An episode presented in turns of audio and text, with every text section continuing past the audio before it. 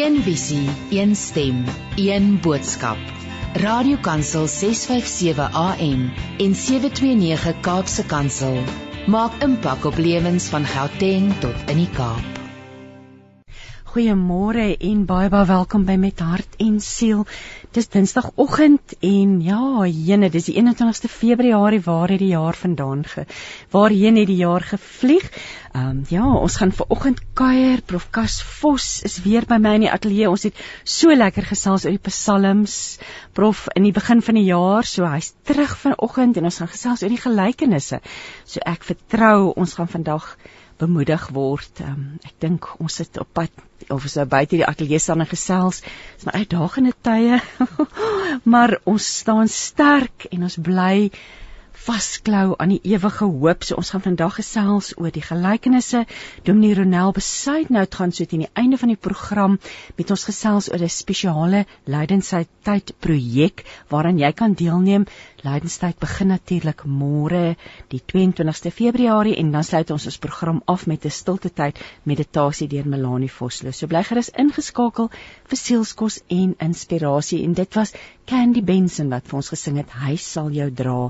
Nou voordat ek en Kas wegspring oor die gelykenisse wil ek net vir ek sommer 'n kort stukkie lees uit 2 Korintiërs 3 vers 4, 4 wat sê: "Deur sy goedheid help Christus my om al my vertroue in God te stel en daarom probeer ek nooit om iets uit eie krag te doen nie. Uit my eie kan ek in elk geval niks regkry nie.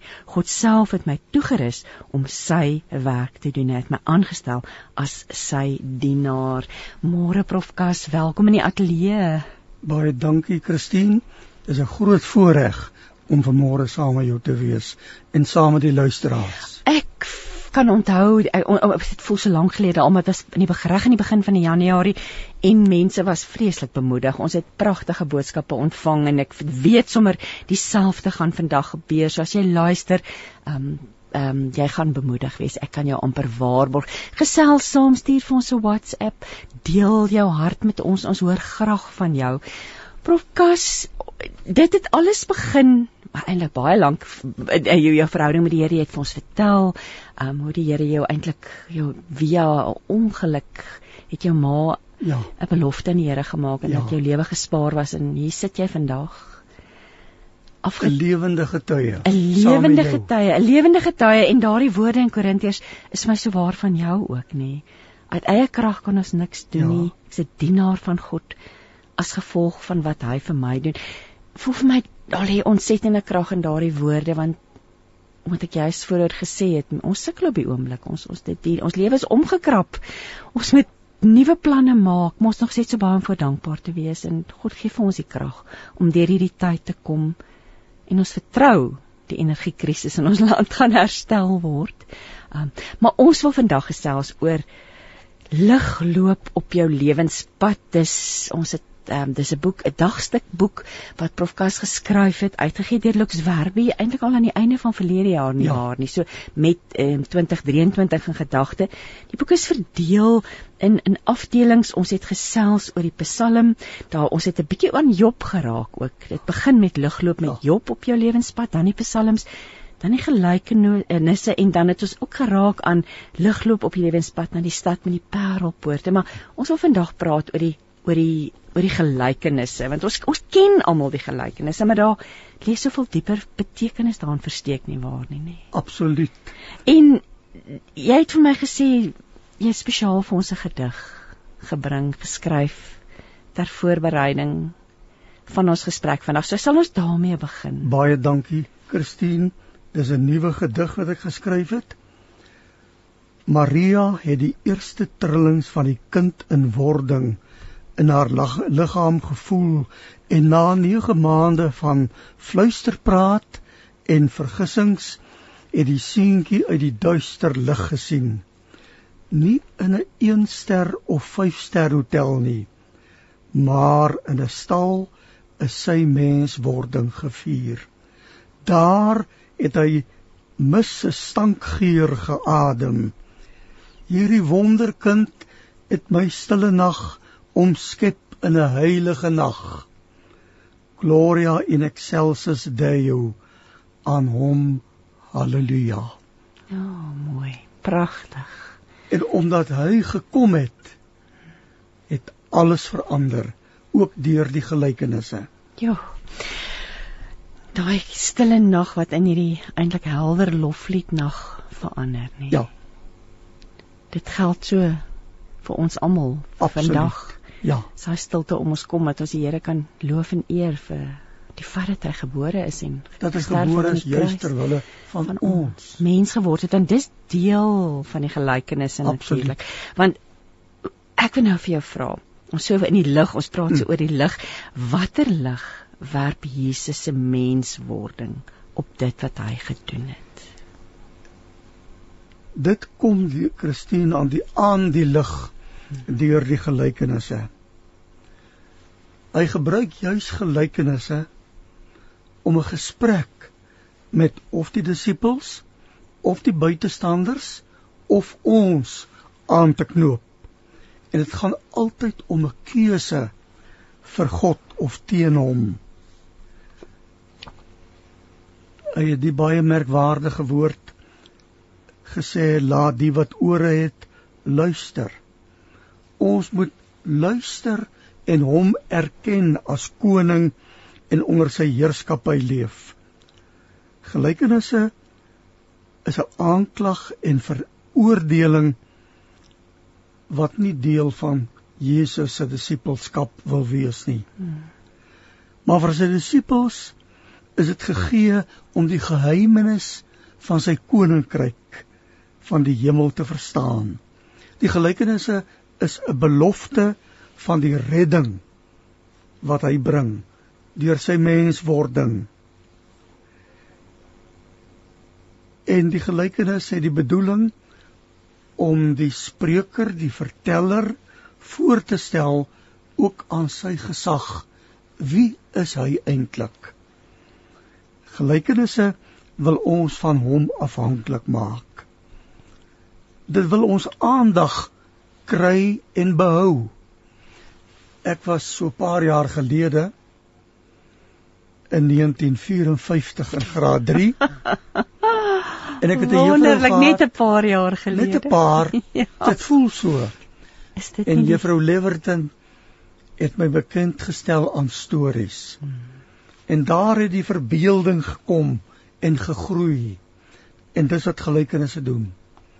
Dis 'n vertelling wat ons inlei in 'n nuwe wêreld wat ons bekoor. Natuurlik Christine is daar verskillende hoorders van die gelykenisse. Die disippels, die barmhartige Samaritaan, die Fariseer en die tollenaar, die skrifgeleerdes en die verlore seun. En 'n gelykenis is gebruik metafore. Wat is 'n metafoor?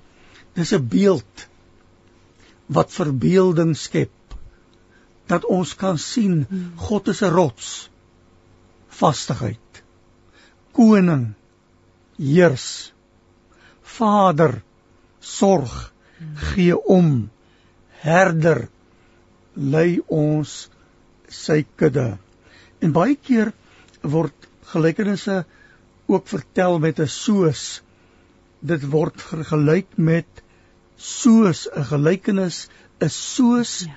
en ons sal daarby kom 'n mosterdsaadjie soos 'n mooi roos.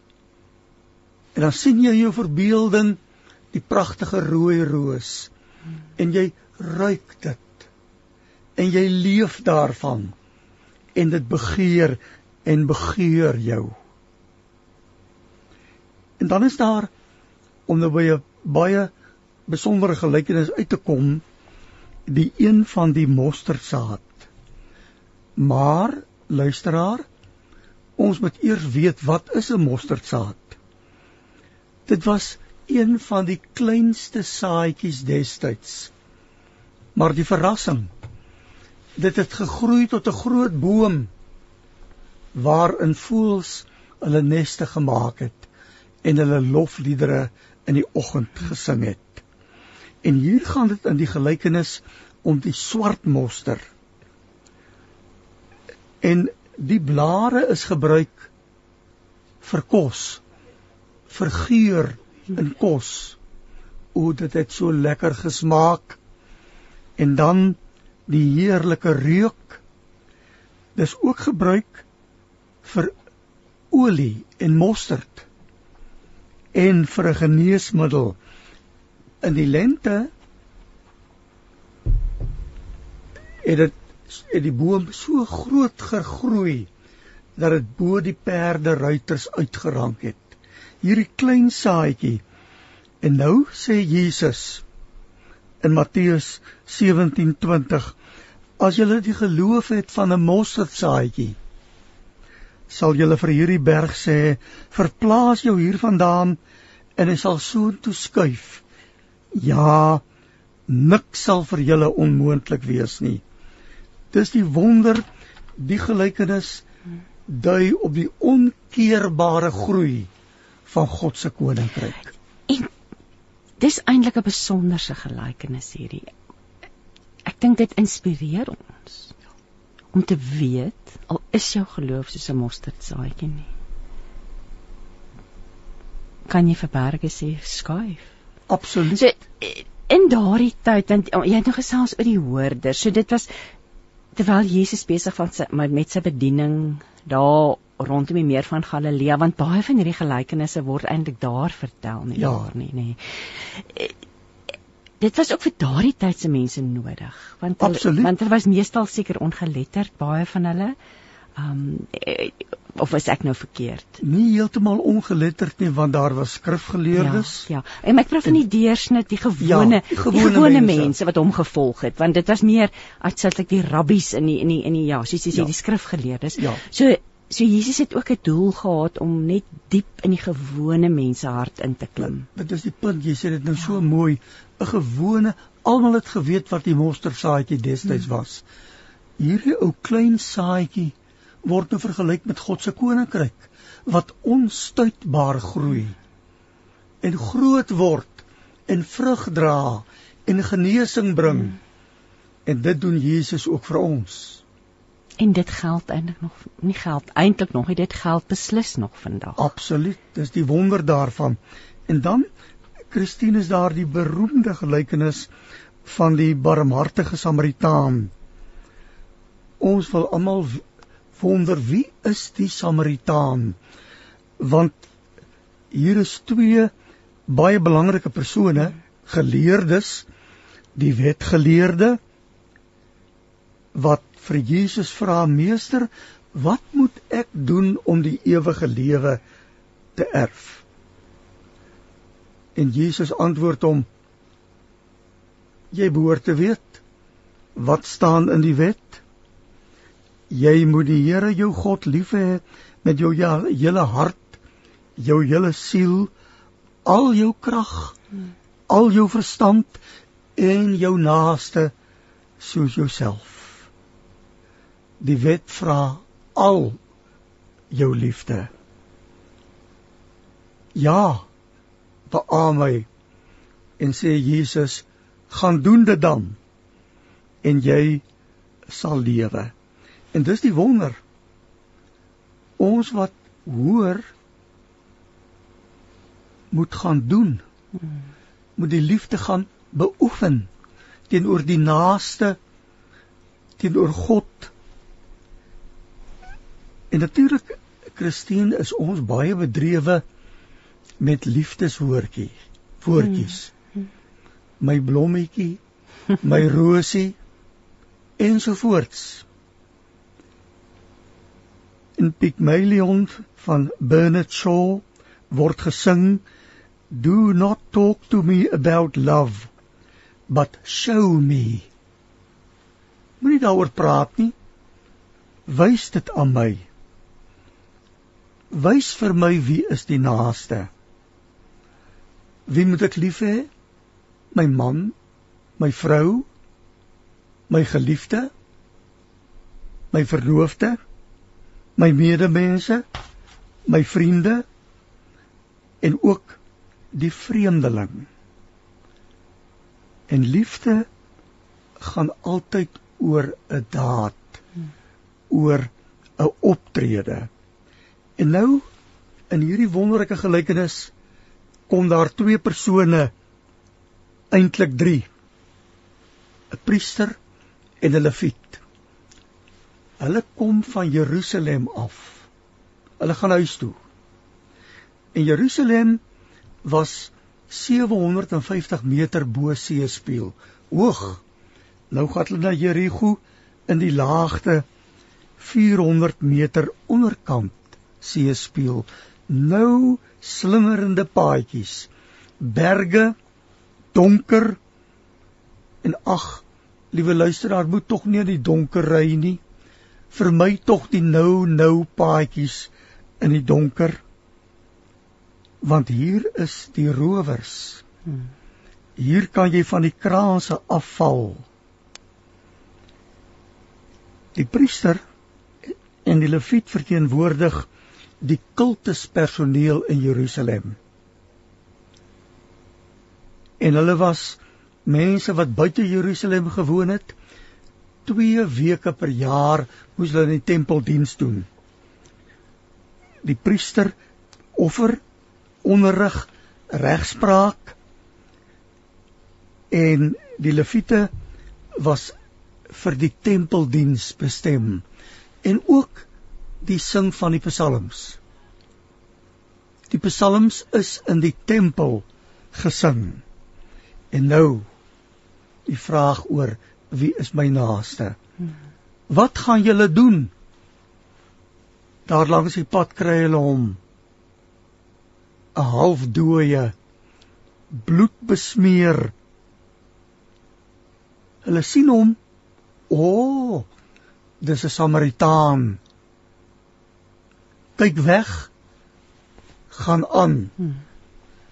Want ons moet baie goed onthou die Samaritane en die Jode was aardsvyande. Net die Jode is as gelowiges geag. Die Samaritane is gesien as ongelowiges bestem vir die verdoemenis en hulle het weggebreek van die Jode. Hulle was deel van die Jode en het in Gerisum gaan bly 4 eeue voor Christus. En hulle is ook vervloek deur die Jode. En wat doen die Samaritaan Christine? Die verrassende hy kan maar verbyloop. Die dooie sal tog doodgaan. Dood bloei. Nee. Hy buk. Hy's nie by die huis om iemand te vra om te kom help nie. Daarom verbind hy sy wonde. Want die man is bloeiend. Hy's in nood. Hy gooi olie en wyn op die wonde om dit te salf. Hy verbind die wonde. En dadelik sê dit vir ons, so moet ons ook maak vir iemand in nood. Verder neem hy die amper dooie man na 'n gastehuis en hy betaal 2 dinari. 1 denarius was die loon van 'n dagwerker. En hy sê daar vir die man van die gastehuis: "Hou hom hier. Ek sal môre terugkom en vir jou betaal." En op die vraag van die wetgeleerde: "Wie is my naaste?"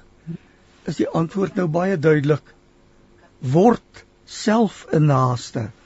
Word 'n Samaritaan." Kan ek dit so sê? word 'n warmhartige Samaritaan. Jo, ek sit en ek hang aan jou lippekas en ek ek lees wil graag 'n stukkie voorlees uit die boek rondom word 'n naaste as jy my die toestemming sal gee. Asseblief.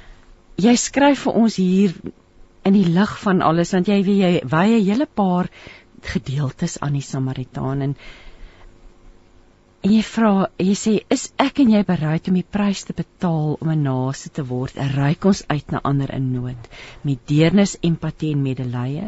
Doen ons iets vir die noodlydendes. Daar is soveel mense in ons land wat seer gekry het, mense met wonde en Jesus se appel aan ons is word 'n naaste, word 'n warmhartige, 'n warmhartige Samaritaan. Ja. Dink aan en bid vir die lydendes.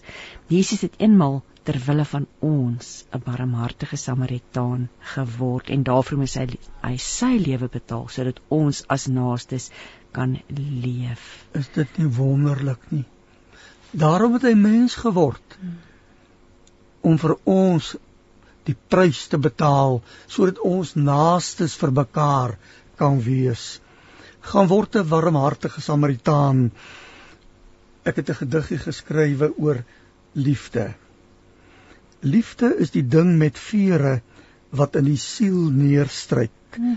en die lied sonder woorde sing en nooit ophou nie nooit nie. Ja. Sing jou liefdeslied, liewe luisteraar. Ek weet naaste diens is die moeilikste hmm. want ons sit met die eie ek, die selfdiens. Weg met jou jou lelik Weg met jou jou leger lelikheid. Ek wil uitreik na my naaste. Ek wil help. En dan dink ons dadelik, Christine, aan die arme lydendes in die Oekraïne. Ja. Wat vervlenter word, wat in nood is. En ons moet ontslaa raak van ons selfliefde. Ons lewenslied moet wees. Wat sou van my word as u nie bereid was om as ek val my telkens weer op te vang? Ek leef nie eg as u nie by my is nie. Ek moet in liefde en leed na u verlang. Ek leef nie eg as ek nie 'n naaste word nie vir alle mense wat sterf aan 'n liefdestekort. Jo pragtig word net 'n naaste. Want ek dink as ons met eerlik wees, daar is 'n liefdestekort reg oor die wêreld. Absoluut. Dis die grootste tekort. Ja. En die die selfliefde oorwoeker alles soos onkruid. Hmm. Groei wild, hmm. verduister alles terwyl ons in die donker tyd sonder elektrisiteit lewe. Dit is selfsug eie sug, eersug. Nee, raak tog ontslaa daarvan en reik uit na die naaste met hand en hart en daad. As mens nou dink kyk na hierdie gelykenis van die Samaritaan. Dit is eintlik wonderlik hoe ons totaal nog vandag daarmee kan identifiseer. Ons ken dit. Ons weet van mense wat gewapende roof uh, beleef. Ons dit is ja. in ons midde. Absoluut. Hoe, hoe ongelooflik as ons kyk na wanneer dit geskryf was. Maar dis die wonder van die gelykenisse. Ja. Dis 'n vertelling, dis 'n verhaal van Jesus oor wat hy kom doen het en alles wat hy gesê het geld nou nog. Die mosterdsaak. Ja, Wys wonder daarom net wanneer gaan dit eindig? As ons deur die parelpoorte stap, gaan dit eindig. Ja. Dis wanneer dit gaan eindig. Ja, want maar, daar is geen trane ja, en ja. geen rou meer nie. Maar in die stad van parelpoorte. Maar intussen kom Jesus en wys so duidelik vir ons wat ons moet doen. En die Heilige Gees kom woon in ja. ons en bemoedig ons en versterk ons om naastes vir mekaar te wees. Al is dit hoe moeilik. Hmm al staan die eie ek in die weg, stamp hom weg, die eie ek en kom nader aan die naaste en aan God. Jo, en dit bring vir jouself, vir jou eie siel soveel salf, salf nê, nee, en soveel gesond jou dit genees ook weer jou binnekant deur iemand anders te help nie maar. Maar presies. Dit is wonderlik. Jy ervaar self opnuut die liefde van die Here. Dit wat hy vir jou gedoen het, kan jy nou verander en aan ander doen. En hy help jou, die Heilige Gees, om dit te kan doen. En dan kom ons by die wonderlike laaste gelykenis vir ons gesprek. Daar's nog baie ander Ons gaan ons gaan verseker oor oor hulle gesels nog. Daar's nog baie. Ja, ja. Die baie bekende een Christine van die gelykenis van die verlore seun. Ek dink voordat ons met hom Ja. gaan ges, oor hom gaan gesels, moet ons musiek luister want Ja, dit voel vir my die Samaritaan is nog besig om in te Ja. sak. Kom ons luister na Annelies wat vir ons gaan sing. Daar is net een. mooi. Kom word daders van die woord saam met 657 Radio Kansel en 729 Kaapse Kansel. Klanke van die lewe.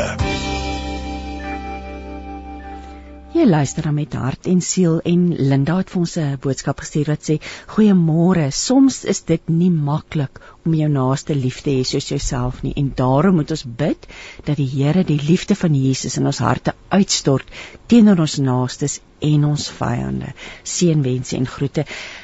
En dis dan baie ware woorde. Ons sukkel. Ons is sondig. Ons is ekkig Ja, en om dan by daardie punt uit te kom. En vir alles mens opgevang raak natuurlik in jou eie probleme en sommer alledaagse lewe nie. So net die krag van die Here kan ons help om dit te doen nie waar nie. absoluut Christine. Kom ons beweeg aan want ons het daar's 74 gelykenisse in die Bybel. Ons gaan verseker nie by almal uitkom nie.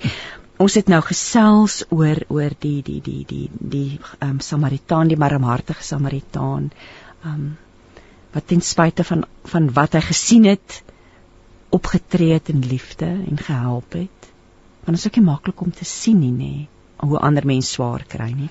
En en die punt is eintlik ook wie jy tereg sê. Hy is in die Joodse gebied. Hy's 'n indringer as dit ware. Hy mag nie daar wees nie. Ja. En hy loop daar verby en kyk wat doen hy. Hy vat hom na die hospitaal toe. Ek sal betaal. Sorg vir hom asseblief. Dis naaste liefde om onder die moeilikste omstandighede uit te reik want die twee wat dit moes doen die nie- twee godsdienstiges wat pas van die tempeldiens terugkom doen niks Dis dan eintlik 'n geweldige aanklag, nee. absoluut hulle doen een ding hulle kyk weg. Kyk weg en loop weg.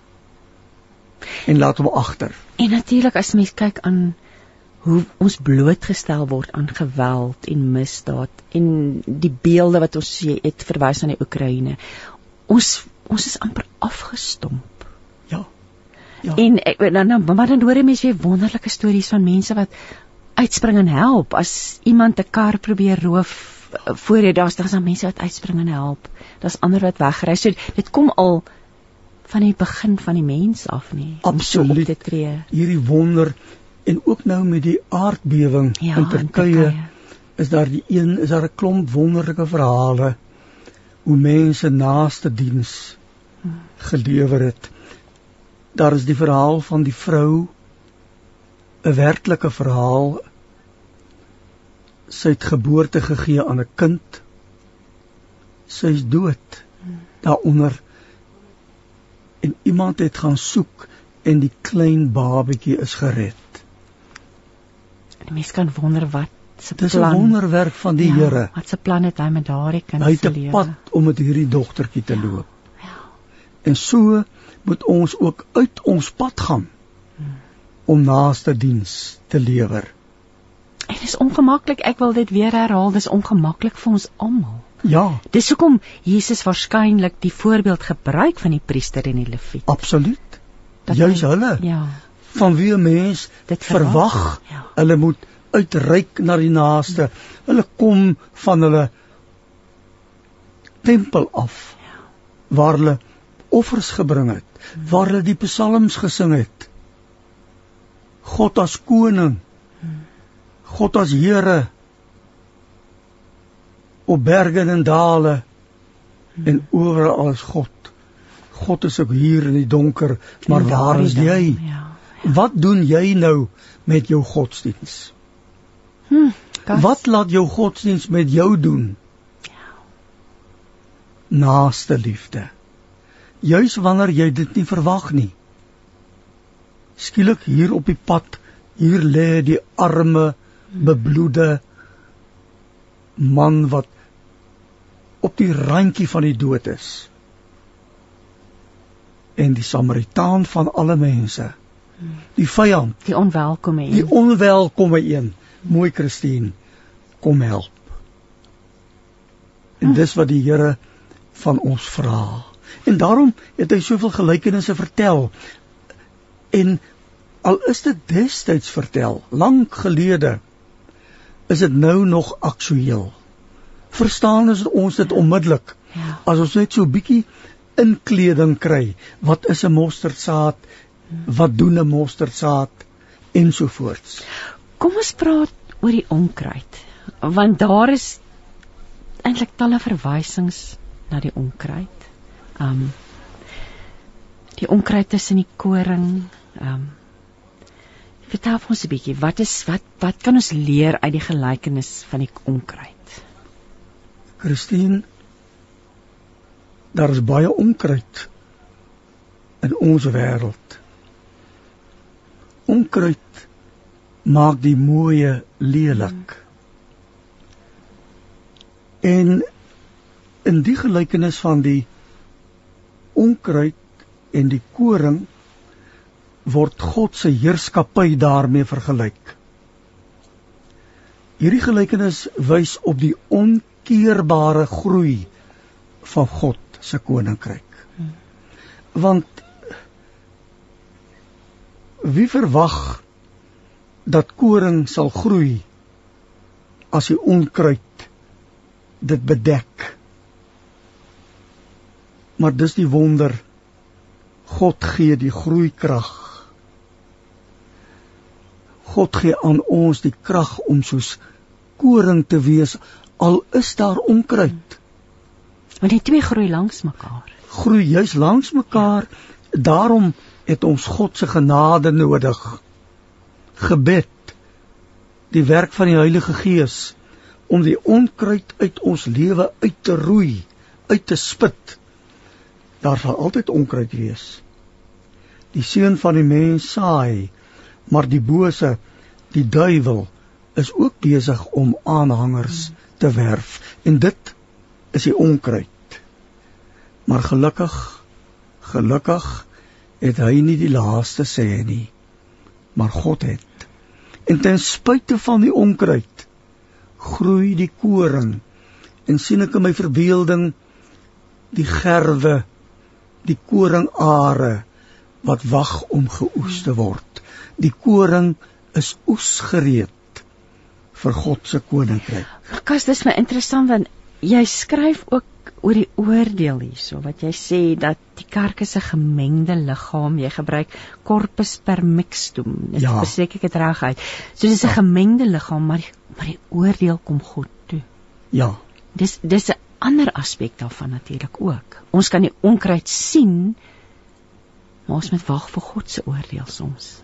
Dis ook waar. Die koring groei. Die duiwel kom met die onkruid. En hy sal ons nie los tot by die wederkoms nie maar ag, sies tog duiwel. En die onkruid groei so maklik. groei so maklik. Dis die ander ja. kant, 'n druppeltjie reën en dan, en kom die hele gras by. En daarom moet dit uitgeroei word. Ja. Uitgeroei word dat die koring kan groei dat ons iets kan doen vir God en vir sy koninkryk. En daarom moet ons as God se volgelinge daarop ingestel wees om nie kwaad te doen nie maar regverdige dade te verrig om tot sy eer te leef om wonderlike koring op die land te wees oesryp ek dink onmiddellik ook aan die gelykenis van die saaier en dan die saad wat in die goeie grond val van die saad val op die rots verander word weer verswelg deur die onkruid. So dis alles beelde van wat met ons lewe kan gebeur, nê? Jy sê dit baie mooi, Christine, dis presies so. Saad word gesaai. Die vraag is dan wat gebeur met die saad? Hmm. Val die saad op 'n klipbank? Of is ons so oop vir die Here dat dit op goeie grond kan val en kan groei tot sy eer en verheerliking. Dit sê net een ding vir ons hoe afhanklik ons van hom is. Ons kan nie sonder hom leef nie. Ons kan nie sonder hom vrug dra. Koring word wat oes gereed is nie. En hy staan ons by elke dag. En daarom is dit ook belangrik dat ons gereeld moet bid ons afhanklikheid van die Here moet verklaar naby aan hom moet leef ons kan aan hom vashou omdat hy ons vashou. Ons kan in hom in hom glo omdat hy aan ons die geloof gee. Dis nie ons wat sodanig goed is nie maar hy is die genadige God. Jo, dis my mooi jy skryf ook in die boek die seun van die mens saai, maar die bose, die duiwel is ook aktief besig om aanhangers te werf en ja. hy het gelukkig nie die laaste sê nie. Aan die einde sal die engele al die kwaadstokers verwyder. Oestyd is die tyd van oordeel, maar dit wag nog in die toekoms. En dan sê jy ook verder dit is verbuisterend hoe engele nou reeds in hierdie bedeling teen die bose veg en mense oral om Jesus te volg. Ons kan die Here dank vir sy engele in ons lewe. As volgelinge van Jesus moet ons nie daarop ingestel wees om kwaad te doen nie. Ons moet regverdige dade verrig en hierin staan die Heilige Gees ons by. O, jy sê dit nou so mooi. Jy lees dit so waar want dis presies ja. wat gebeur. God stuur ook sy engele om ons by te staan. Om om ons in 'n krisissituasie te help om ons moed te gee. En hulle staan in sy diens. Tot die dag van die wederkoms en hulle veg teen die bose. Weg satan. God is koning absoluut vertroostende woorde in 'n tyd wat ons dikwels voel, maar die bose het die oorhand. Ja. Ek dink as jy met mense gesels, voel hulle dikwels so. Ek weet nie of dit ja. jou belewenis ook is nie. Mense ja. sal sê dit voel net die lig word verswag en lig en donker is so 'n belangrike ja. metafoor op die oomblik in ons lewe, maar dat die onkry en nou herinner jy ons weer daaraan. Roep uit na die Heilige Gees, roep uit na die engele. Ja. Wie is die koring? Die brood, ek dink onmiddellik brood van die lewe. Ja. Daardie beeld wat so gebruik word reg deur die woord. Omdat daar suur suurdeeg is. Ja. Wat die brood laat rys. En dit kom ook van 'n ou klein, klein suurdeegplantjie. Soos die mosterdsaadjie. Ja. ja. Onkeerbaar. Ek onthou op die plaas hoe my ouma brood in die oond gebak daar buite. Wonderlik geknie, geknie die suurdeeg ingeknie in die pan gesit oontoe en 'n wonderlike heerlike brood kom te voorskyn en natuurlik Christine die korsie was myne. Ek kry dadelik daardie prentjie en daai reuk en die smaak en ons maak 'n gelykenis nê ons weer ja. eens onmiddellik kan ons dit oproep. Jy gaan in daai wêreld in en die wonderlike is dat jy het dit mooi gesê ons dink alles is verlore. Ja. Ons dink die wêreld het in duister verval. Nee. God is die lig. Hy is die lewende God. Die ewige. En hy stuur sy engele na hierdie aarde toe om ons te bemoedig, om ons by te staan om die bose weg te jaag. Mm. Kom ons luister na musiek en so gepas gaan Trevor Malgas vir ons sing Jesus red my. Radio wat duisende mense met die woord van Christus bereik. Radio Kansel 657 AM, jou daaglikse reisgenoot. Jy luister met hart en siel. Ek is Christine Ferreira by my in die ateljee kuier professor Kas Vos. Ons het nou so gepraat oor die Samaritaan en as jy natuurlik Israel gaan besoek, ehm um, saam met Radio Kansel, gaan jy waarskynlik daardie pad volg van Jerusalem onder na Jerigo. Daar's 'n spesiale um, stopplek, 'n monument opgerig, um, deesdae vir die barmhartige Samaritaan, maar ek vat ons nou so 'n bietjie van koers afkas, want ons gaan nou gesels oor die verlore seun. Wat wil hierdie gelykenis vir ons sê? Dankie Christine, dankie liewe luisteraar.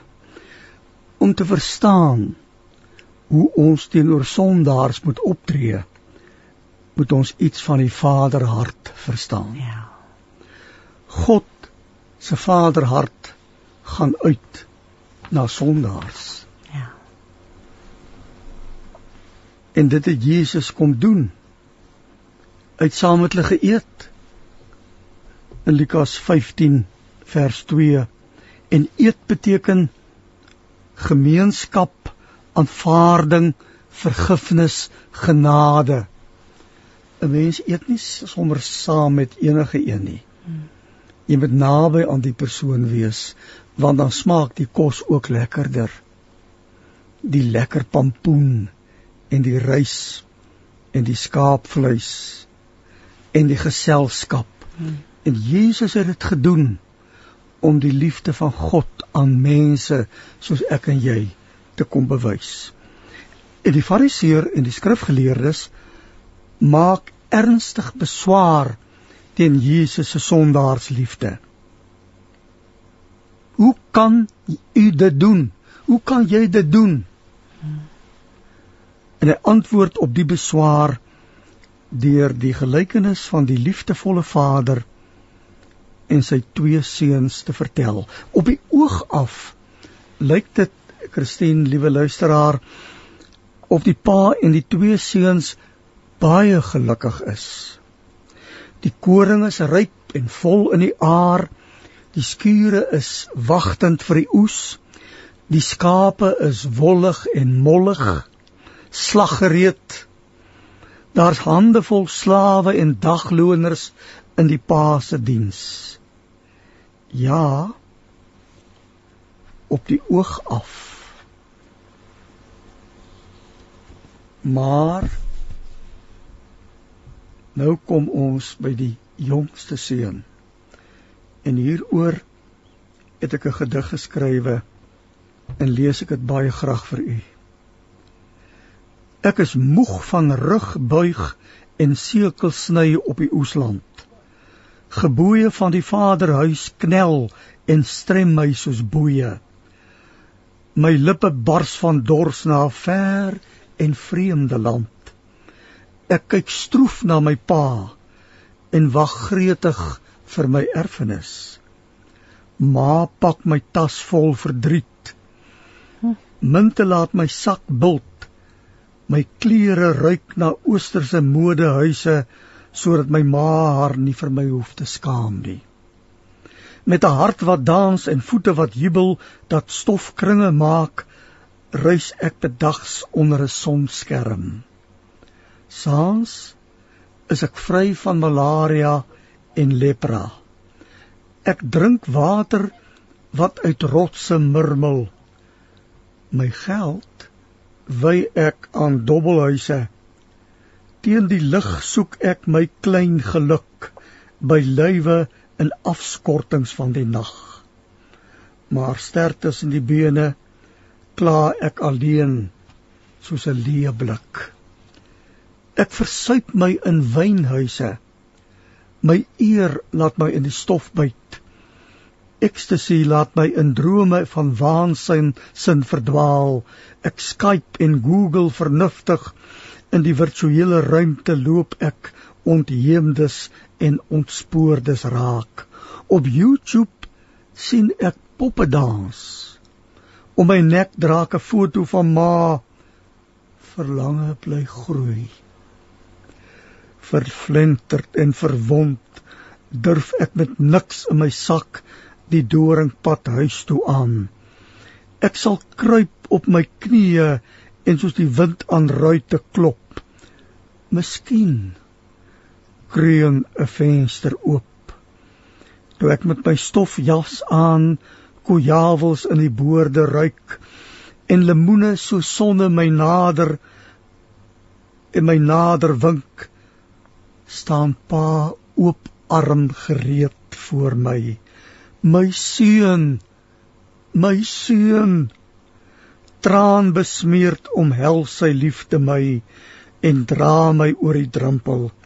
Hy gee my 'n nuwe kleed en skoene waarin my voete pas, 'n goue ring vir my vinger. Nou dra ek met trots sy naam. Ek is weer by die huis.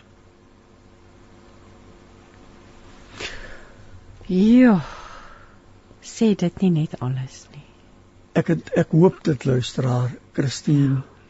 Ja. Want dis die wonder van 'n gelykenis wat met beelde werk. Hmm. Mosterdsaad, suurdeeg, onkruid hmm. en gedigte. Dit trek jou in daai wêreld in. Jy saam met hierdie verlore seun op pad. Na daardie ver land van die varke die modder die poppe wat dans die plesierplekke. Hmm. en verflinter kom jy terug. Wat sal my pa sê? Wat gaan hy doen? Ek ruik die huis. En daar staan hy met oop arms. Kom my seun my seun jy's welkom. Maar nou is die skokkende die oudste seun. Ja. verteenwoordig die fariseërs en die skrifgeleerdes. Soos die oudste seun wil die fariseërs en skrifgeleerdes die tollenaars en die sondaars uit die vaderhuis ban. En die vertelling laat ons natuurlik iets van onsself ontdek. Hmm Ons mag nie aanstoot neem aan God se liefde nie. Ons armoede aan broederliefde is tog so skokkend. Is ons ook nie maar geneig om op ons ywer vir die Vader te roem nie, soos die oudste seun, "Pa, kyk wat doen ek." Hmm. O ja. Ek werk. Ek doen alles. Hy loop. Hy vermors sy erfenis, hy verkwis alles. Wat het die oudste broer gedoen?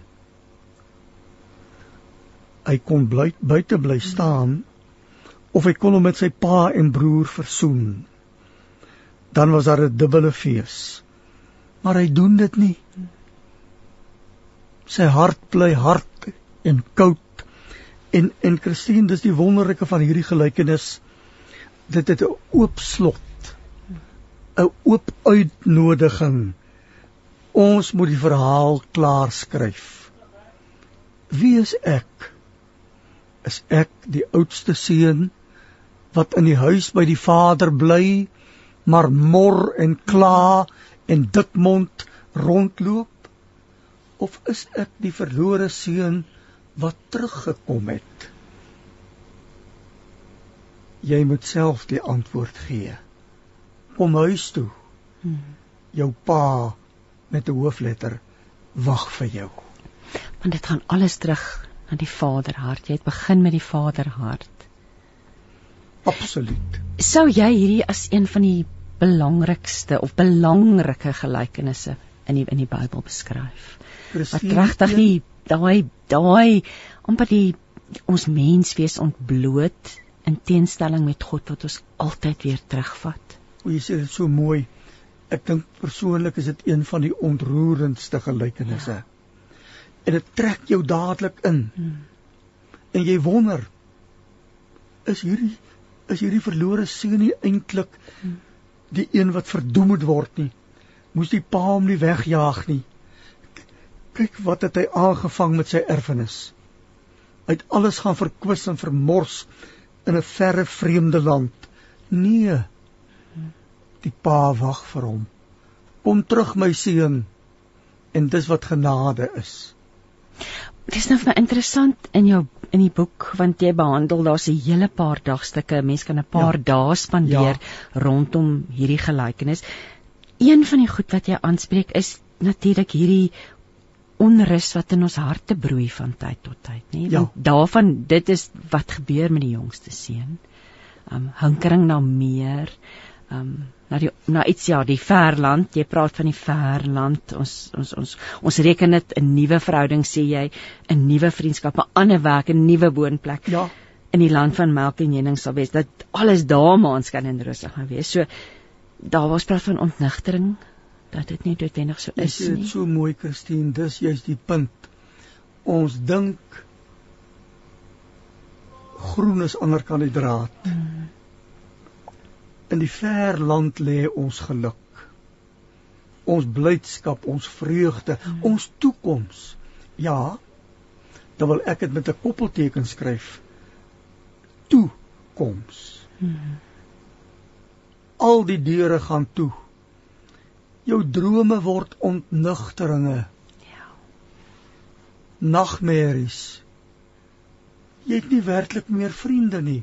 Ja, In die begin is almal om jou, swerm hulle om jou want jy het geld.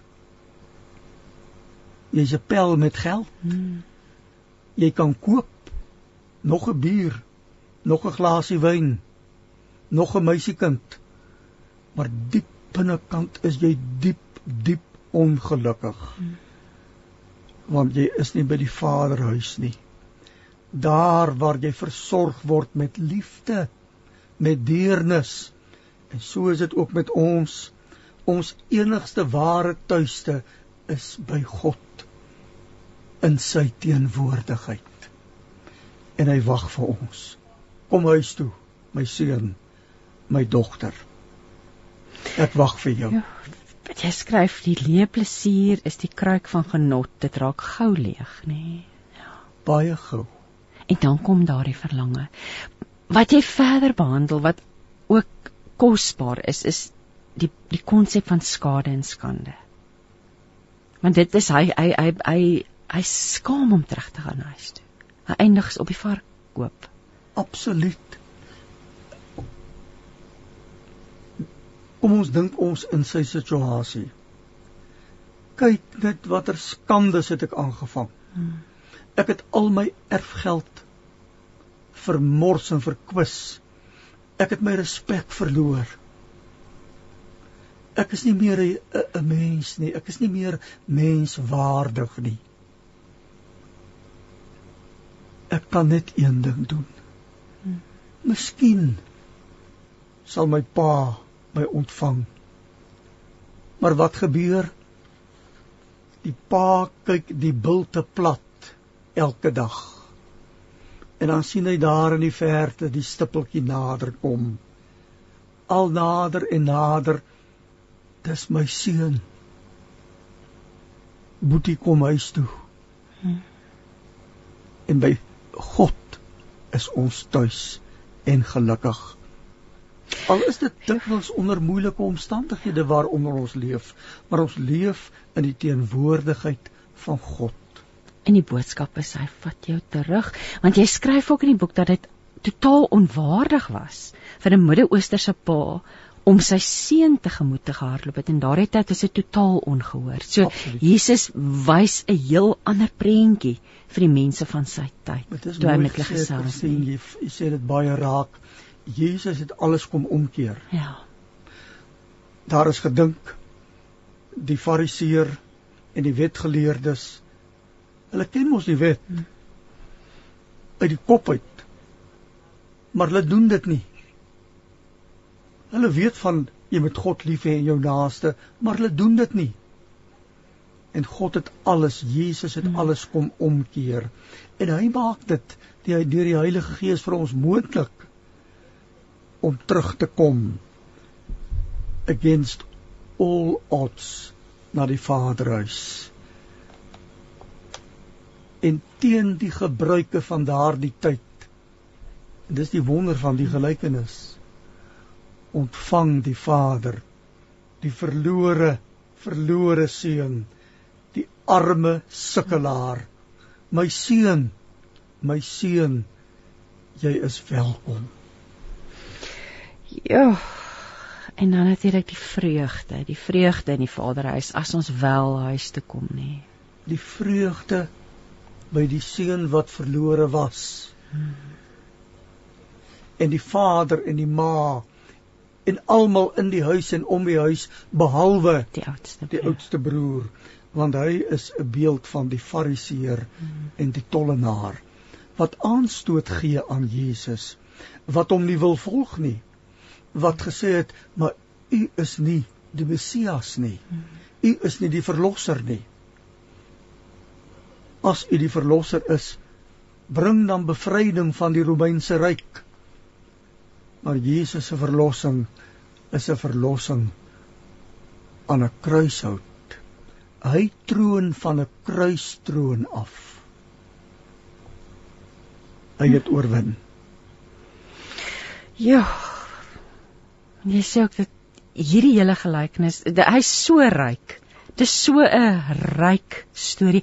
Ek dink onmiddellik aan die skildery. Ek kan nou vir 'n oomblik net nie die skilder se naam wat dan die die die verlore seun, dis 'n bekende skildery. Christine, kan ek jou help? Jy kan my asseblief help want Luister, ek sien hom ek voor my. Jy sal jy sal weet, ek weet Rembrandt van Rijn. Natuurlik, natuurlik. Ek sien die skildery in my gees dis. Presies. Dis 'n ja. wonderlike wonderlike skildery en dit het hom so aangegryp. Hy moes deur sy wonderlike talent 'n skildery maak wat nou nog vir ons bewaar is. As jy die skildery sien, dan word jy ontroer deur die Vaderliefde. Kom ons beweeg aan na die weduwee toe, want daar's ook 'n geweduwee, die die arm weduwee, weduwee wat as 'n lastige vrou voorgestel word, sê jy. En jy kry bitter jammer. Um, kom ons praat 'n bietjie oor haar en wat kan ons leer uit uit hierdie gelykenis uit? Net die woord weduwee sê al klaar sy is weerloos. Ja. Sy het min wie sal vir haar reg opstaan? Sy was deel van die sosiale minderheid. Nie die belangrike elite. Die mense met sakke vol geld nie.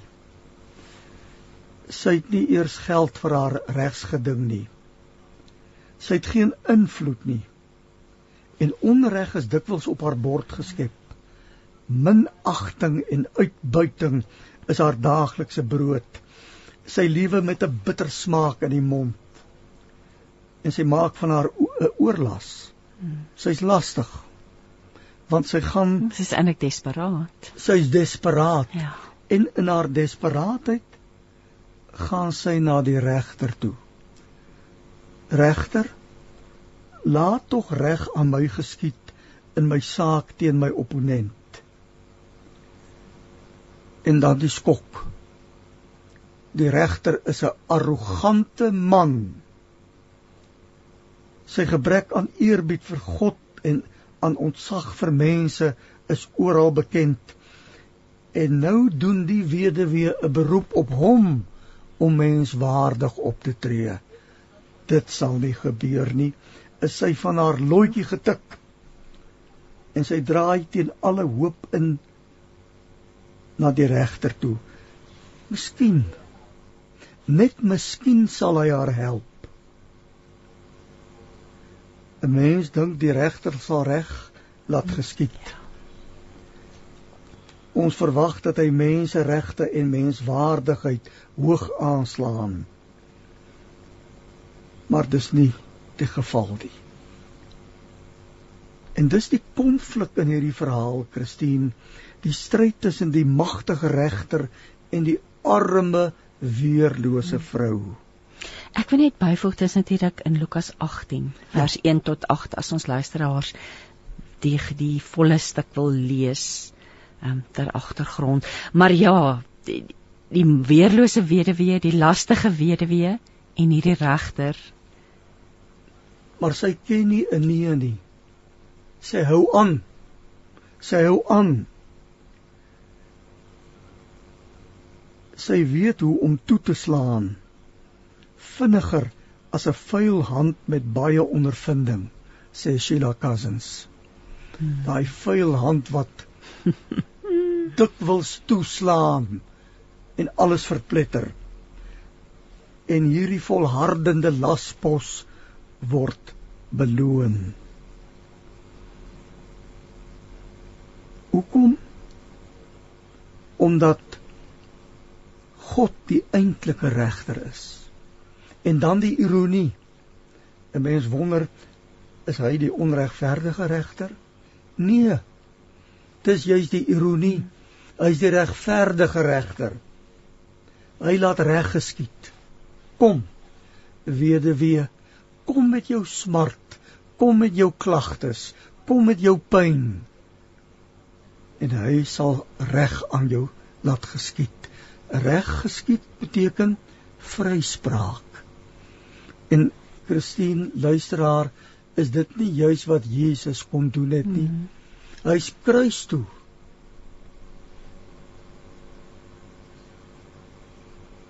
In die middel, die middelkruis. Hoekom? Om vryspraak aan ons te gee. Jou sonde is jou vergewe.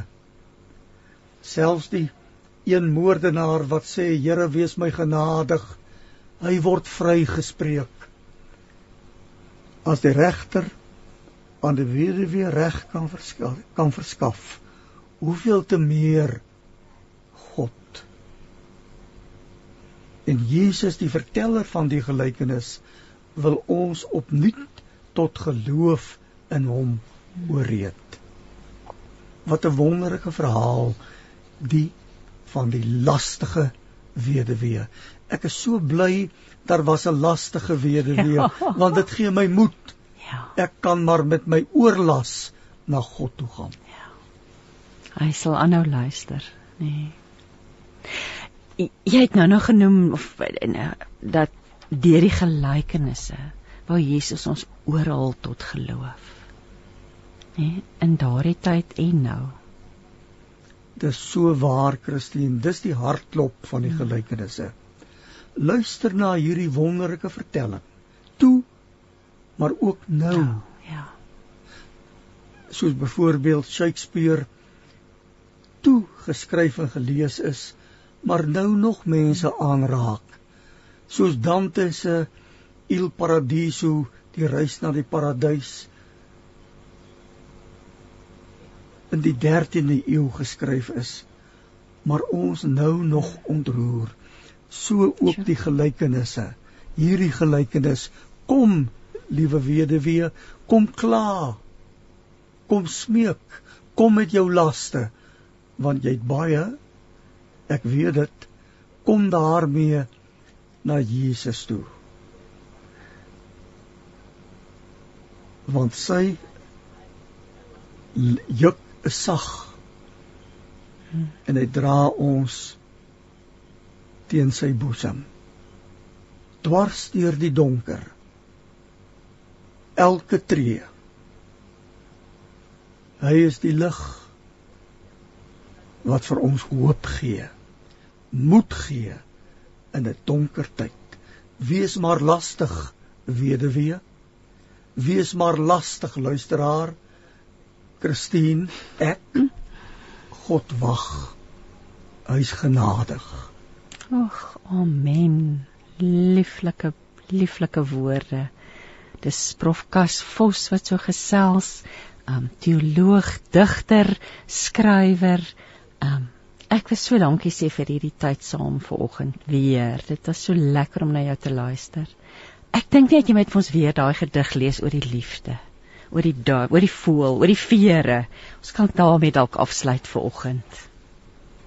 Mag ek sê Christine vir my was dit die grootste voorreg om met jou te gesels of beter te sê dat jy met my gesels het. Dat jy my die arme lastige weduwee toegelaat het en ons heerlik oor die wonder van God se liefde en genade om praat. oor die liefde. Want dit is al wat saak maak. Ja. Liefde is die ding met vere wat in die siel neerstryk en die lied sonder woorde sing en nooit ophou nie. Nooit nie. Hm. Amen. Kom ons luister na Sanet Lambregs wat ons sing Hemelse Vader. Een visie, een stem, een boodskap. Radiokansel 657 AM en 729 Kaapse Kansel maak impak op lewens van Gauteng tot in die Kaap. Jy luister dan met hart en siel en nou gaan ek gesels met Dominee Ronel Besaidenhout oor 'n baie spesiale lydenstydprojek waaraan jy kan deelneem. Môre Ronel. Hallo Christine, dis altyd lekker om te gesels. Hoe glo lyk dit in Grootbrakte? Ek het gehoor dit het gister gereën. Hoe lyk dinge daar by julle? Fantasties. Die Suid-Kaap het droogte gehad, die res van die land verspoel, maar die afgelope dae het ons dan self 'n paar buitjies reën gehad. So die, die maar dit lyk mooi. Die wêreld is groen op die oomblik. Wie by ons ek moet as ons terwyl ons so oor die weer gesels, die daar was die eerste tekens van die herfs was vanoggend in die lug. En net as 'n mens baie keer dink dit was dit was 'n kouigheidjie daai daai net daai spesiale ding wat gebeur as die herfs kom. En dit was vir my so mooi en dat dit eintlik aan die vooraand van lydenstyd Ja, is dit ja. lei mos Ja. so 'n gevoel van vernuwing en verandering in Ja, die oorgang na 'n nuwe seisoen toe Dis reg. Ronel, ons het al baie keer ek en jy gesels oor die lydenstyd, Hmm. maar dit voel vir my ons kan eintlik nooit genoeg daaroor gesels nie. Dit is so 'n belangrike tyd Ja. op ons kalender as gelowiges. Ja. So, wil jy Ja. nie net so 'n bietjie voordat ons gaan gesels oor jou projek wat eintlik van môre af afskop, maar miskien net vir Ja. ons so ter agtergrond dalk jou hart deel oor die lydenstyd en hoekom dit juis vir ons as gelowiges belangrik is om dit na te volg. Ja. Weet jy daar is 'n teks vir in uh 1 Korintiërs 2. Dis soms so in die eerste paragraaf waar Paulus sê wanneer hy met die gemeente praat, ek het my voorgenem om met julle oor niks anders as Jesus Christus en hom as die gekruisigde te praat nie. Dis die kern van ons geloof. Ja. Ons kan nie by opstanding uitkom as dit nie deur Golgotha is nie. En lydingstyd is die belangrikste. Dis om die wa- die eerste feestyd, die eerste 40 dae feestyd in die kerk se ganse geskiedenis. Dink dit kom so uit die 300s uit. So dis 'n ou ding om 40 dae lank voor te berei op pad na na Paasfees toe. En ons staan op 20 eeue se skouers en ons is deel van 'n geloofsfamilie wêreldwyd wat hierdie feestyd van 40 dae vier. Ronel, dink jy daar het 'n hernieude belangstelling gekom in lydenstyd Ja. of lent? Ehm um, O ja, o ja, o ja. Weet jy, die oomblik toe die wêreld se grense oper gegaan het, het ons skielik besef maar ons is deel van 'n kerktradisie wat baie groter is as net die gereformeerde tradisie wat in die weste is. Skielik het ons ikone begin sien. Ons het liedere ontdek wat uit die Oos-Europese lande kom wat ons nooit voorheen van geweet het nie, né? En so help die die die toon kan nie vir die oor sê ek het jou nie nodig nie, want anders is dit nie liggaam nie. En hierdie hierdie grootheid van die wêreld wat skielik vir ons oopgegaan het omdat ons so geslote, afgeslote was, het het ons verryk. Ons ons word vandag geseën omdat ons so 'n groot tradisie het waaruit ons kan put. vertel vir ons 'n bietjie oor dinge wat mense kan doen. Daar's dalk iemand wat luister wat nog nooit dit deel van hulle lewe gemaak het nie. Dit begin môre met die gebruik van Ja. as Woensdag. Miskien Ja, kan jy vir ja. ons ietsie daaroor sê en dan 'n paar voorstelle en ek neem aan dit gaan nou lekker gekoppel aan dit wat jy wat jy aanbied, maar Ja. as Woensdag, wat is wat is die Okay. betekenis daarvan? Kom ons begin net gou. Palm Sondag begin die Sondag voordat die kruisiging begin. Dis die heilige week. Ja. Die blare van die palms wat op daardie palms afgepluk was, het die kerk tradisioneel geberg totdat dit droog geword het. En dan op as Woensdag het hulle dit gebrand. 'n Hele jaar het verbygegaan. En ons begin weer van voor af om te sê kom ons dink oor wie ons is. Jy kry 'n kruis van die as van die blare op jou voorkop simbolies om jou te herinner dat jy 'n sterflike mens is. Daar gaan 'n dag kom wat die dood jou ook inhaal. Want lydingstyd gaan oor die dood, ja. né? Ook oor ons dood, ook oor ons wat dood is vir die sonde. So dis wat die simbool beteken. Dis nie 'n vreemde ehm um, nie Christelike tradisie. Dis goed wat uit die Bybel uitkom om ons te herinner stof is jy en tot stof sal jy gaan. En dan begin daai as Woensdag begin 40 dae. Jy tel die Sondag nie, want Sondag is nooit lydingstyd nie. So saam met Sondag is dit 46 dae. Sonder die Sondag is dit 40 dae tot by stil Saterdag. Dis die Saterdag tussen die kruis en opstandingsdag. En daai 40 dae het die kerk tradisioneel drie goed gedoen. Gevas maar dit gaan nie oor minder eet nie. Dit gaan oor ligter leef. Ja. Né? Nee? Hulle het weggegee. Weer 'n keer, hoe minder jy besit, hoe meer het jy om weg te gee. En dan het dit gegaan oor skuldbeleidnis omdat ons met so toehande leef.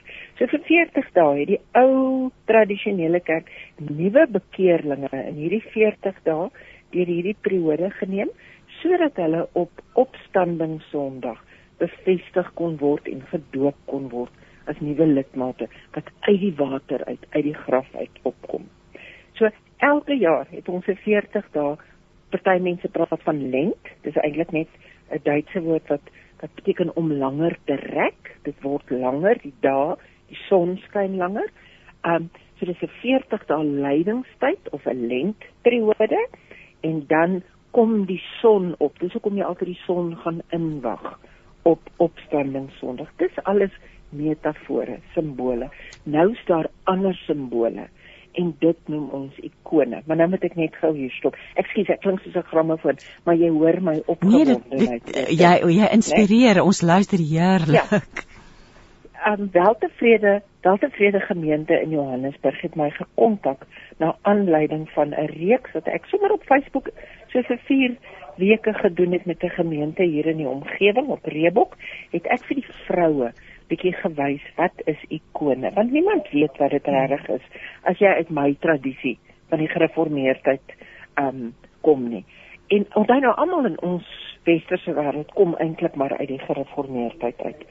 En na aanleiding daarvan het dit die het die wissel, sy se predikant van daar tevrede het sy my gekontak en vir my gesê ons gemeente sal jou betaal om voorbereiding te doen om vir 40 dae 'n leidingstydreeks te ontwikkel. Maar as ek nou betaal, bedoel betaal dan sê daarmee hulle het my geld gegee om 96 dagstukke te ontwikkel. Maar dis heeltemal te groot werk om net na een gemeente toe te gaan. En het jy die mooiste sinnetjie? Sy sê daar's nie kopiereg op die evangelie nie. Dit moet versprei. So hulle gemeente het toe goedkeuring gegee dat ek hierdie lydingstyd omdat dit deel van my inkomste is, ek met my eie salaris 50% genereer, het hulle my toestemming gegee om hierdie reeks ook aan te bied op my eie platforms om dit as 'n pakket aan 'n gemeente beskikbaar te kan stel. Maar die bedoeling is ek moet een ikoon gebruik en ek moet iets oor daai ikoon verduidelik en ek moet 'n nadenke daaroor skryf. So mense ontvang twee WhatsApp op 'n dag. Hulle ontvang 'n ikoon met 'n verduideliking plus hulle ontvang 'n 'n dagstuk, 'n nadenke met bypassende musiek. Ek moet vir jou sê ek dink ek werk al 3 maande aan hierdie oh, ding. Dit klink wonderlik en die ikone is natuurlik die visuele, dis natuurlik die visuele uitbeelding, die ou klassieke ja. ikone van Christus. Ehm um, so ja. en is jy as jy vinnig tyd het, wil ek net gou sê ons ken Visio Divina. Dis 'n lees leesstyl wat ook hier uit die 6de eeu uitkom. Visio Divina beteken heilige lees. So jy lees nie met jou verstand nie, jy lees met jou met jou hart totdat die gees. Baie keer sal mense sê ek het iets gelees wat ek self al onderstreep het, maar dit voel vir my ek het dit die eerste keer gelees. Dis Visio Divina, heilige ag Lectio Divina, heilige lees ek het nie geweet dat daar ook iets bestaan in die kerk se tradisie soos visio divina nie heilige kyk en dis wat ons hierdie 40 dae doen ag dit is heerlik as ek daaroor praat dis 40 dae met noem dit ikone. Ikone beteken beeld. Ja. En ons is beeld van God en Christus sê Kolossense is die beeld van God, die eerste beeld van God. Paulus sê ons word al meer vernuwe om die ikoon van Christus, die beeld van Christus vir die wêreld te wees. So ons gaan kyk na 40 ikone. Dit begin môre. Ek het alreeds iets vir vandag geskryf en gemeentes kan my kontak. Ehm um, want ek bied dit teen 'n banale bedrag aan dat hulle dit na hulle ehm um, gemeentelede toe kan versprei en mense kan op my webblad gaan kyk met. Maar ek het 'n vreemde spelling. My my naam spel jy Ronel R O N E L L. Daar's nie 'n e agteraan nie. Ronel so, so dit, mm. kan so individue kan ook. So dit die bedoeling oh, ja. is 'n gemeente kan hierdie uh, hierdie reis saam uh, stap as 'n gemeente. Ja. Ja.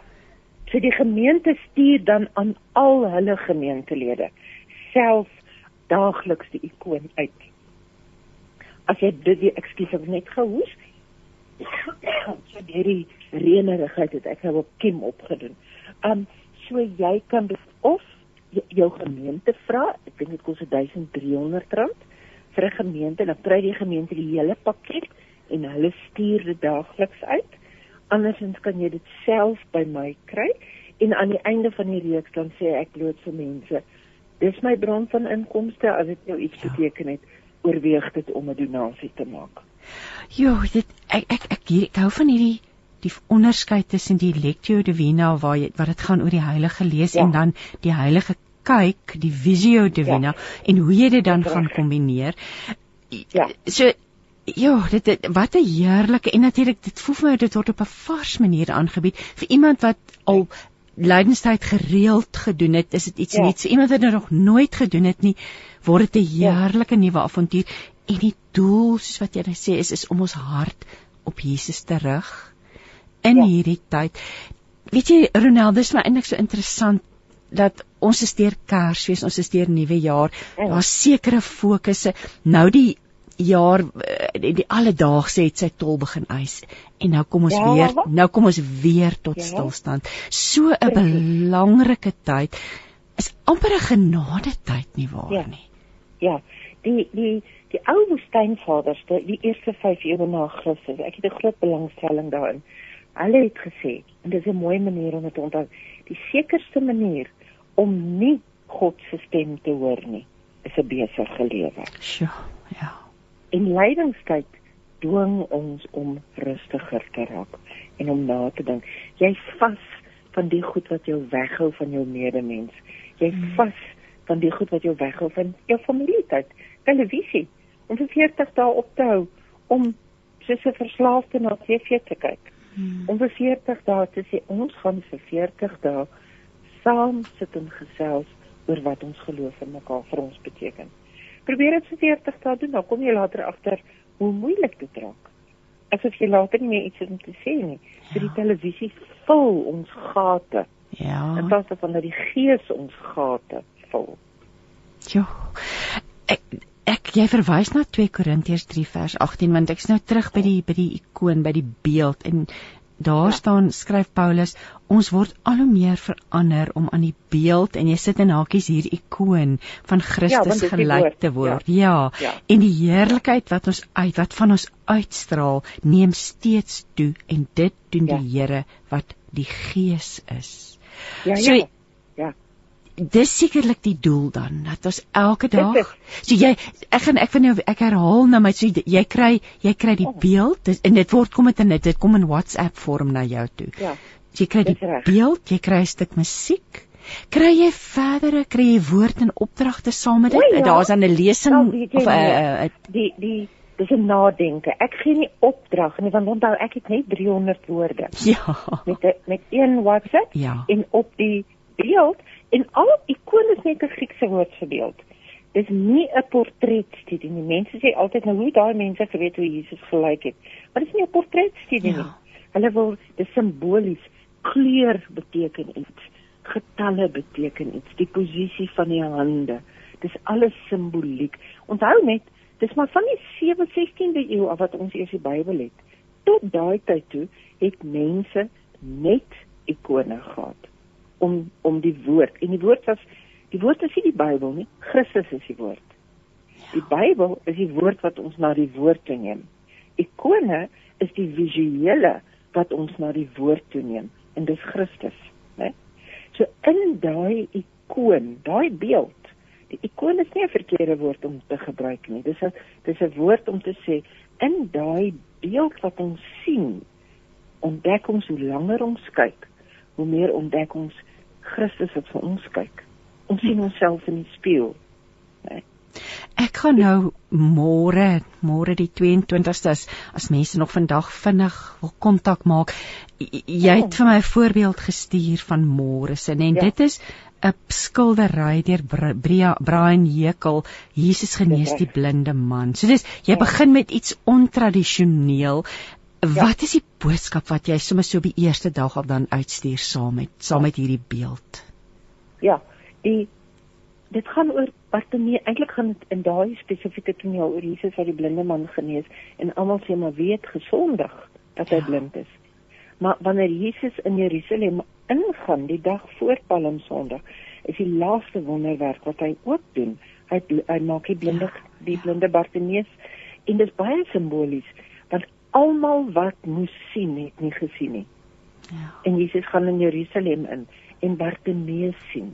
Die een wat wat blind is, so die blindes wat begin sien. Dis Lukas 4. Jesus het sê ek het gekom sodat die blindes kan sien, né? So die die visuele beeld daar, ek gebruik nie alles net tradisionele ikone ja, ja. uit die vroeë eeue uit nie, soms 'n moderne kunswerk en om dan dan wys ek en dan dan dan in die beeld in hierdie eerste WhatsApp vra ek jou kyk hierna en kyk wat beteken die hand. Hoe kyk die hmm. kleur? Hoekom het die kunstenaar hierdie kleur gebruik? Hoekom sien jy dit raak en nie ook dit nie, ja, né? Ja. So lydingstyd herinner ons aan die feit dat ons dat ons blind is ja. en dat die Gees ons moet wakker maak oor en oor en oor en hoe meer jy dit besef om te sê Kyrie eleison Here wees ja, my genadig hoe meer begin jy sien ag ag wat 'n opwindende tyd vir ons almal wat voorlê mhm. en jy sê ook lydenstyd het net een doel en is 'n tyd vir eerlike nadenke nee ja. rustig op jou ja. eie privaat tussen ja. jou en die Here. Ronel kontakdetail. As iemand nou geluister het en hulle wil graag meer weet, waar kan hulle met jou kontak maak? Of het sy dit nou vanaf 'n gemeente ja. is of as individu? Ja. My selfoonnommer? Ja. Is 083 281 Ja. 05 47 Ja. Hulle kan ook na my webblad toe gaan. Dit is baie maklik. Dit is www.ronel met daai vreemde spelling, net die dubbel L. Ja, Ronel besydenhout met 'n T aan die einde. Nie DT nie. Ja. .co.za. Alles oor die lydingstyd is sommer op die eerste bladsy. Ag, wonderlik. Ek kan dit ek kan dit net gou herhaal. 083 08910547 of jy kan Ronel se webwerf besoek www.ronel met 'n dubbel L Besaidenout sonder die d.co.za. Hierdie inligting sal ook beskikbaar wees by ons kliëntediens na afloop van die program as jy dalk in die motor ry en nie 'n pen byderhand het nie. Ronel, ag, dit was nou heerlik om met jou te gesels en wat 'n wonderlike konsep. Ek is so dankbaar dat dat dat die NG gemeente Weltevreden Park vir jou dit moontlik gemaak het om dit te doen en ja. ek hoop soveel mense gaan hierdeur geseën word en dink is dankie wonderlike wonderlike tyd om net weer aan die ja. voete van Jesus te gaan sit nê. Nee. Dankie. Dankie. Ja, vir my ook.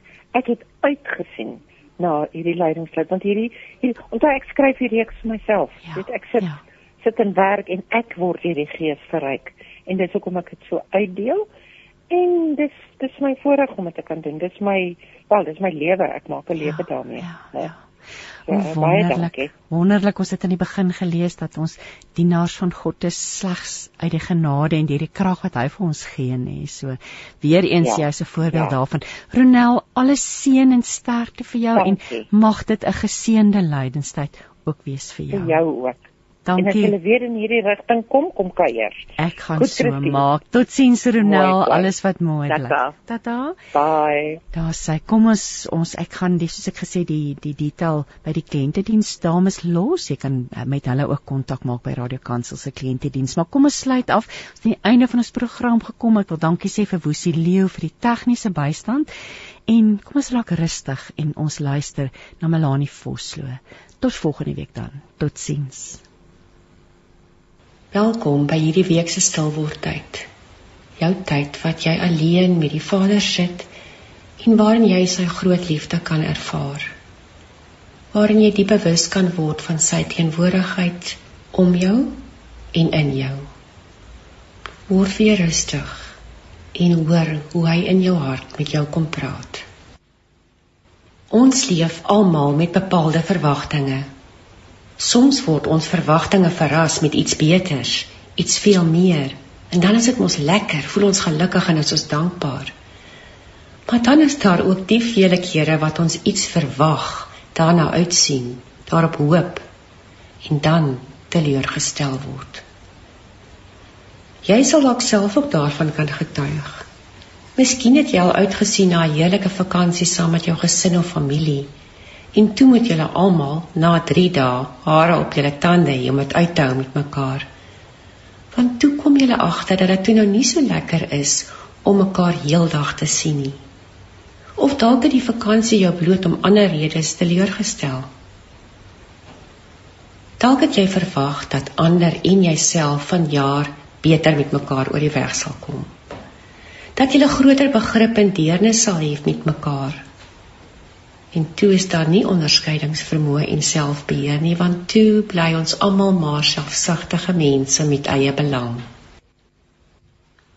Miskien het jy verwag dat van jaar die jaar gaan wees waarin jy jou ou slegte gewoontes met goeies en gesondes gaan vervang. En nou, nou sukkel jy meer daarmee as wat jy gedink het. Dalk meer ernstig. Jy het verwag om goeie nuus te kry oor jou gesondheid, 'n beter werk te kry. Of soos die meeste van ons gehoop dat dinge in die wêreld in ons eie land anders gaan wees. Heimlik gehoop dat as jy van jaar die lig aansit, dit nie donker gaan bly nie. Daar's 'n paar dinge wat my al gehelp het om nie so teleurgestel te wees nie. Die eerste ding wat ons kan doen is om ons verwagtinge te bestuur. Dalk sonder om nou negatief en sinies te wees, meer realistiese drome en verwagtinge te hê. Veral as dit gaan oor dinge waaroor ons nie beheer het nie. Ja, dalk help dit ons om die werklikheid beter te bestuur as ons nie te idealisties is oor die lewe en oor dinge buite ons beheer nie. Tweedens, wanneer daar dinge is wat wel binne ons eie domein lê, wanneer ons wel beheer het, dan kan ons altyd, ondanks die feit dat ons geval het, dat ons teleurgesteld in onsself is, weer probeer. Weer die Gees vra om ons daarmee te help. Want die wonderlike is mos dat ons 'n God van tweede kansse aanbid. Dat ons iemand het wat ons nooit sal teleurstel nie, op wie ons regtig kan hoop. Een keer toe ek so teleurgesteld was, het ek gebid. Here, teleurstelling maak 'n mens stom, sat en soms selfs sielsongelukkig. Wanneer die onverwagte gebeur of dit waarop ons gehoop het, nie gebeur nie. Wanneer die mense op wie ons vertrou het ons in die steek laat. Wanneer ons self toe iets nie kon regkry nie. Wanneer die uitkoms nie gunstig is nie, wil ons sê: "Ag nee, Here, kan die lewe, mense, ek self dan nie anders wees nie?" Gelukkig verstaan U teleurstelling, Vader. Ek self stel U dan so dikwels te leer en dan steek U elke keer weer U hand van liefde en genade na my toe uit. Here, vandag bring ek my teleurstelling met naakte eerlikheid na U toe. Help my om ongeag die feilbaarheid van die mens nooit op te hou om in die goeie te glo nie. Nooit op te hou om die goeie, die regte dinge na te streef en dit te bly doen nie. Help my Here om nooit op te hou om U te vertrou nie. Vandag bid ek soos Dawid in Psalm 119 vers 31 toe hy gesê het: Ek hou vas aan U verordeninge, Here. Moet tog nie dat my lewe teleurstelling word nie. Ja, help my om U voorskrifte uit te voer sodat ek tot die einde toe daaraan kan hou. Amen. Een visie, een stem, een boodskap. Radiokansel 657 AM en 729 Kaapse Kansel maak impak op lewens van Gauteng tot in die Kaap.